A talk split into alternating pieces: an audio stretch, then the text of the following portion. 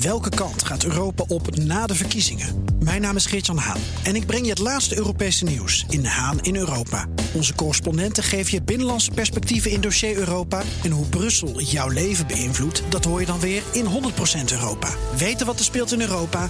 Luister naar de programma's van BNR. Dit is een BNR-podcast. The ladies not for turning.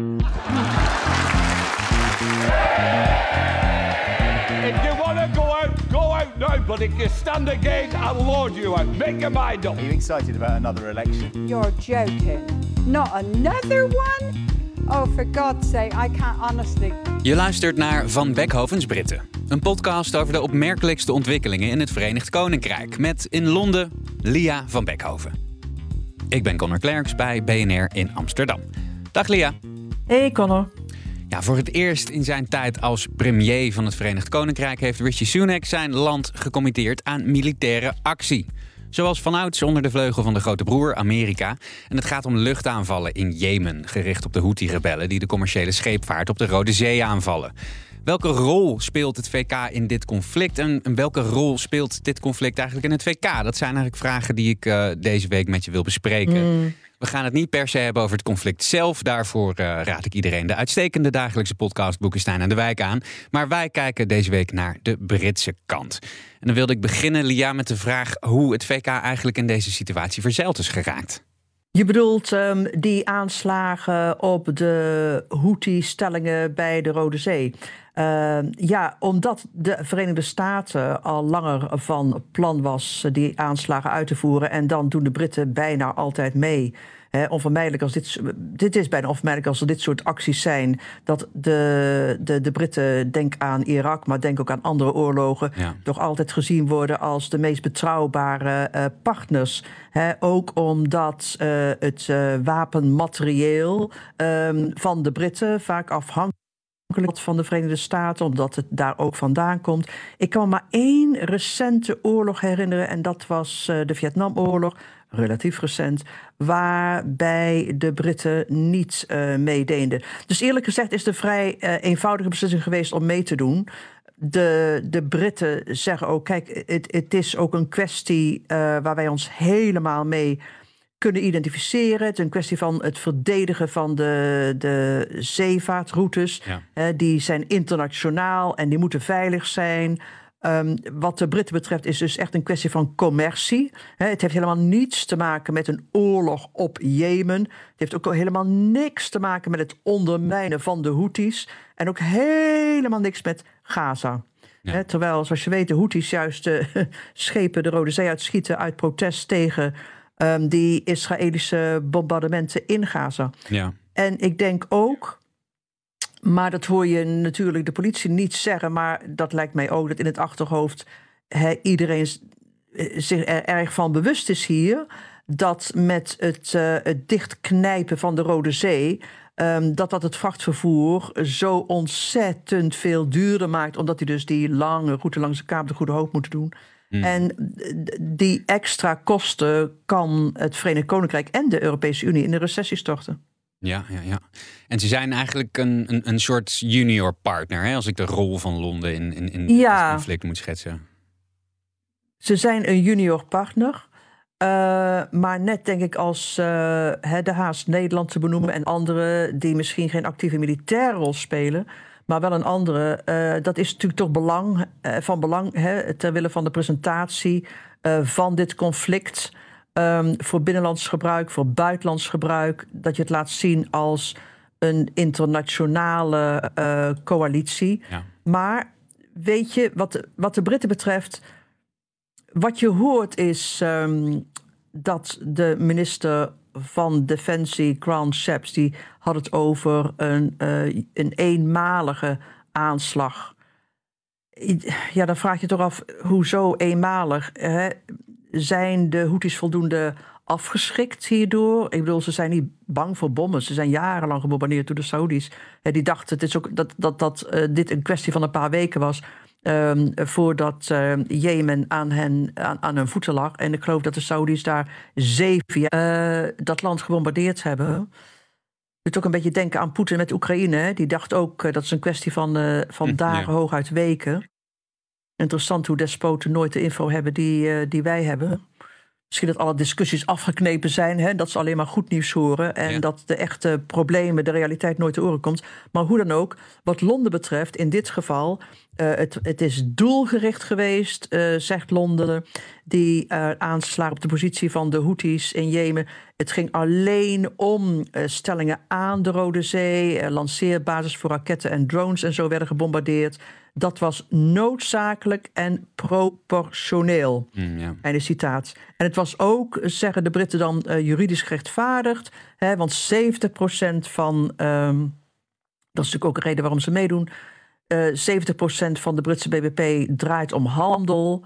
Hè, en als um, uh, die handel wordt aangevallen, dan heb je het recht tot zelfverdediging. Maar nogmaals, is, het, is dit een eenmalig iets? Ik, ik weet niet of hoe de Britten denken over nieuwe actie, de regering bedoel ik. Of ze dat uitsluiten, lijkt mij sterk.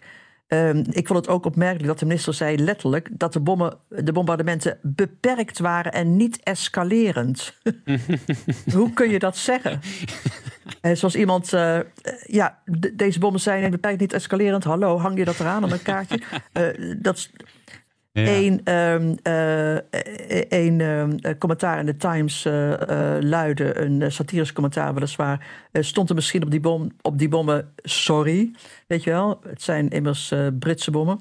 Maar ja, de geschiedenis leert toch dat je dat niet in de hand hebt, of het escaleert of niet. Londen kan blijven zeggen, niks doen is geen optie. En we hebben alles geprobeerd, wat een feit is. Hè. Jarenlang is er overlegd. Uh, het ministerie van Buitenlandse Zaken zag zoiets al aankomen of vreesde ervoor. Dus, dus daar ging lange, lange diplomatie, overleg um, aan vooraf. Hulp ook. Hè. Een van de armste landen toch, Jemen. Ja. Maar goed, het, het kan zijn, zeggen ze hier, dat de oorlog uh, in het Midden-Oosten uh, zich uitbreidt. Dat hoorde ik de oud-minister van Buitenlandse Zaken, William Hague, zeggen. Maar, zei hij, uh, de escalatie in de Rode Zee is gereduceerd. Ja, ja, ja, ja. ja. Tja, ik weet, ik, ik weet het niet. Ik weet het niet. Nee, en uh, uiteindelijk, je, je, je, zegt het al, hè, er is, is, is heel lang is er uh, uh, met andere middelen geprobeerd om deze situatie eigenlijk te voorkomen. En toch ging het ineens heel Hmm. mm. snel. En, en daar heeft Grant Shapps, de ja. defensieminister, ook een discutabele rol eigenlijk in gespeeld. Hè? De Amerikanen waren niet zo blij. Nee, nee, precies. de manier waarop en naartoe naar die aanslagen van afgelopen vrijdag. Uh, nee, daar waren de Amerikanen daar niet helemaal happy mee.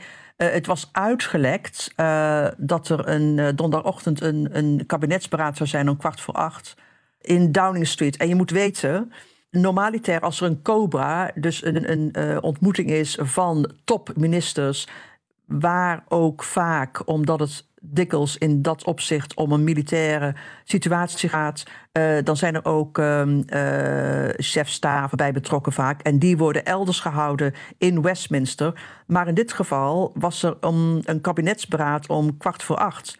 Hè, uh, s ochtends. En je weet, hè, Downing Street is maar een hele kleine straat. En ja. meestal als er iets gebeurt... Um, waar de premier of het kabinet bij betrokken is. Er staat er een heel leger op de stoep uh, van, van, van media, van fotografen, cameraploegen, correspondenten en verslaggevers en zo. Dus dit keer ook. En alle politieke grootheden die kwamen voorbij. Downing Street ingelopen, waaronder minister van Buitenlandse Zaken David Cameron. Dus het was vrij duidelijk, hey, dit kabinet zou overleggen, zou best eens kunnen gaan over mogelijke militaire aanslagen in Jemen. Ja. Dus dat, dat, dat was niet, uh, uh, niet gelukkig. Uh, maar inderdaad, minister Shapps maakt het nog erger. Want um, ongeveer 24 uur voordat die bombardementen op vrijdagochtend begonnen, uh, werd hem gevraagd: hey, minister Shapps, uh, wat denkt u? Gaat het gebeuren of niet?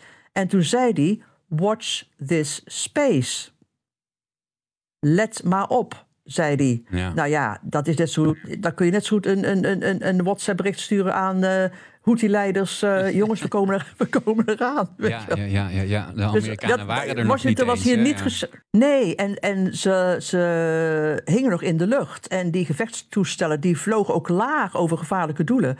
Dus Washington was echt boos. En het, uh, het politieke contact, heb ik begrepen, werd ineens kalt gesteld. Ineens droogde dat op, weet je. Dus Londen kon niet meer in Washington bij zijn eh, connecties eh, terecht. Ze wilden even, ze, waren, ze wilden voorkomen dat er nog meer zou uitlekken. Ja. Dus eh, alles viel dicht in Stoem in Washington.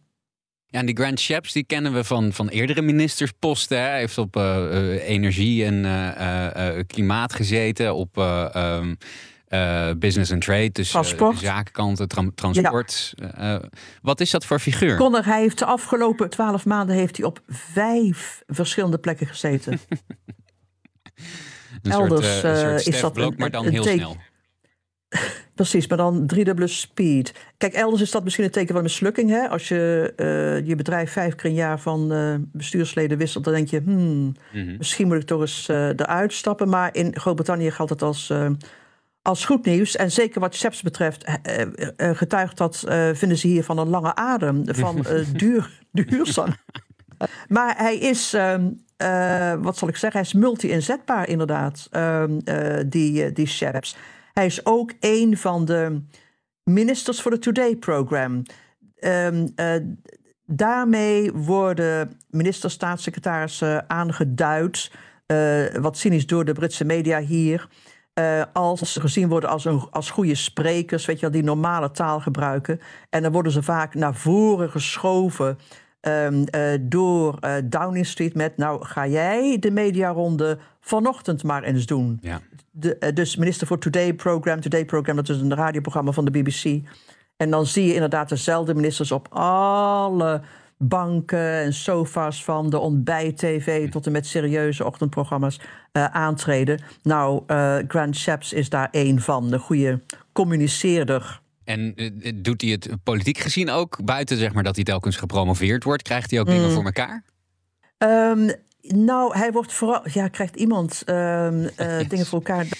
Er gebeurt gewoon heel weinig. Daar hebben we het al eerder over gehad. Er gebeurt eigenlijk niks hier. Omdat er gewoon eh, de, de belangrijke zaken die nu gebeuren. Ik bedoel, het vriest hier op dit moment. En eh, iedere week komen er weer daklozen bij. En ehm, dan zou je zeggen, dit is een probleem. Hè? Vooral met deze temperaturen wordt niet over gepraat. Eh, dakloosheid in Londen met name is zo ontzettend groot. Niemand, ehm, het is geen politiek onderwerp. Ja. Dus ik weet niet wat je bedoelt met voor elkaar krijgen. Maar wat ik wel weet is dat hij door Sunak en anderen, gezien, an, anderen wordt gezien als eh, iemand die eh, ja, betrouwbaar is. En die je weg kan sturen, al is het maar naar een studio voor een, eh, voor een boodschap. Ja. Maar hij was inderdaad, het is ook een, hij heeft een interessante. En daarom wil ik, ja, kijk, we gaan er meer tegenkomen. Dus vandaar dat ik vind dat het wel de moeite is inderdaad om daar wat dieper op in te gaan. Maar het is in zoverre een interessante man. Weet je dat hij pas tien jaar in de politiek zit. En dan nu al inderdaad zoveel ministersposten gedaan heeft. Maar hij, hij ehm, heeft ooit, een, voordat hij de politiek inging, een publiceerde hij. Het is een ondernemer van huis uit. Een, een gids eh, om snel rijk te worden. En die heette ook Stinking Rich. Ehm, en daarin legde hij dus uiteen hoe je eh, razendsnel eh, tonnen geld kon eh, verdienen. Dat zou hij ook zijn blijven doen, het uitgeven van de gids, terwijl hij Kamerlid was. Daarmee kwam hij al negatief in het nieuws, omdat hij, ja, dat mag niet, hè, de regels voor nevenverdiensten, Ja. ehm, zou hij daarmee getreden hebben. Dat is nog ons, on- eh, omstreden. Maar als eh, ondernemer eh, opereerde hij onder drie verschillende aliasen. Hij had drie verschillende namen, waaronder één eh, eh, vrouwelijke naam die ik vergeten ben, dus valse namen. En daarmee probeerde hij de aandacht te trekken van de media voor zijn producten. En daar wordt nog steeds erg mee gespot. Ja. Maar hij is ook als minister actief op sociale media, vooral TikTok. Ook leuk weet je, hij is een neef van de solo-gitarist van The Clash. Oh. Eh, en hij gaat, denk ik. Maar hij ehm, gaat ook een grote rol spelen eh, bij de verkiezingscampagne, denk ik. Hè, want zoals één eh, oud-minister eh, recentelijk zei... Grant Shapps stelt weinig voor... maar in dit kabinet van de middelmaat is hij wel een beetje een ster. Backhanded compliment noemen we Ja. het hier. Hè? Ja, daar zijn ze goed in. Hè? In hoeverre ehm, is, is, is dit, eh, dit conflict en de deelname van, eh, eh, van het Britse leger aan, aan, aan, deze eh, raketaanvallen in Jemen onderwerp van gesprek bij de Britten? Nou, niet zozeer on, niet, uh, onderwerpgesprek bij de Britten. Die voelen zich echt niet betrokken. En ze zien het ook als uh, een hele scherpe, st uh, strategische aanslag die het geweest is. Zonder bloed, zonder het vergieten van mensenlevens. iets wat ver weg gebeurde en dus alleen om commerciële, of voornamelijk om economisch-commerciële doeleinden. Ja. Maar ik denk, dat gaat waarschijnlijk veranderen. Ik bedoel, er zijn een paar uh, duidelijke toespraken geweest, vooral die weer van die minister van uh, Defensie, Grant Shapps, die het maandag had over um, hoe gevaarlijk de situatie wereldwijd nu is. Gevaarlijker, zegt hij, dan sinds de Tweede Wereldoorlog. Er is geen vredesdividend meer. Um, hij voorspelde mogelijke oorlogen de komende vijf jaar, waarbij wellicht ook China, Iran, uh, Noord-Korea bij betrokken zijn. Overal, de minister van Buitenlandse Zaken streept dat ook aan. Overal waar je kijkt zijn rode knipperlichten op het dashboard. Of knippert het rood op het dashboard, zei um, uh, David Cameron. En daar denk ik, dat raakt de Britten wel. Dat, dat, geeft, dat zet toch wel tot nadenken. Ja, ja, ja. Zoiets. En als ze dan gaan kijken naar hoe uh, hun eigen ministerie van Defensie, maar ook, ook Defensie zelf er, erbij ligt. Uh, mm. Als we kijken naar de defensieuitgaven bijvoorbeeld, de, de staat van de krijgsmacht, hoe staat dat ervoor in het VK? Nou, niet best. Kijk, in de Rode Zee werd voor het eerst sinds de Tweede Wereldoorlog uh, de marine actief in het ik bedoel, voor het eerst uh, maakten ze luchtartillerie onklaar ja. uh, van een tegenpartij. Dus, dus, dus het is heel ongebruikelijk. Um, is het in staat tot veel meer? Kijk, de Britse defensie is al lang niet meer uh, wat het was. Hè. Er is het afgelopen jaar, nou de afgelopen decennia eigenlijk, gepraat over vernieuwingen, over miljardentekorten op de begroting, de aanschaf van verkeerde of niet toereikende apparatuur, mislukte aankopen, noem maar op. En nu wordt er opnieuw gepraat over misschien wel een hele andere strategie. Hè, uh, die toch vanwege Rusland en Oekraïne meer gericht moet zijn op Europa. Zonder daarbij de capaciteit te verliezen voor uh, doelgerichte uh, aanslagen op drones en raketinstallaties, zoals we zagen in Jemen. Maar ik bedoel, één voorbeeld was um, volgens de Daily Telegraph um, haalde de Britse marine inderdaad zeven drones neer. Maar uh, Londen kon geen vliegtuigschip naar, de Rode, schip naar de Rode Zee sturen, want de marine heeft niet voldoende matrozen. Hm. Ja, ja, dat is. Uh, dus het is zeker iets als, wat, uh, continentaal Europa eigenlijk. Precies, precies, precies. Maar vergeet niet, hè, met Frankrijk is natuurlijk het Verenigd Koninkrijk de grootste militaire macht in Europa. Ja. Dus er wordt hier zeker gekeken naar hoe de Britten zich kunnen aanpassen in een heel snel veranderende, veel gevaarlijker wordende situatie wereldwijd. Zometeen praten we door over de gevolgen van het postkantorenschandaal dat we vorige week bespraken. Nu eerst een korte break.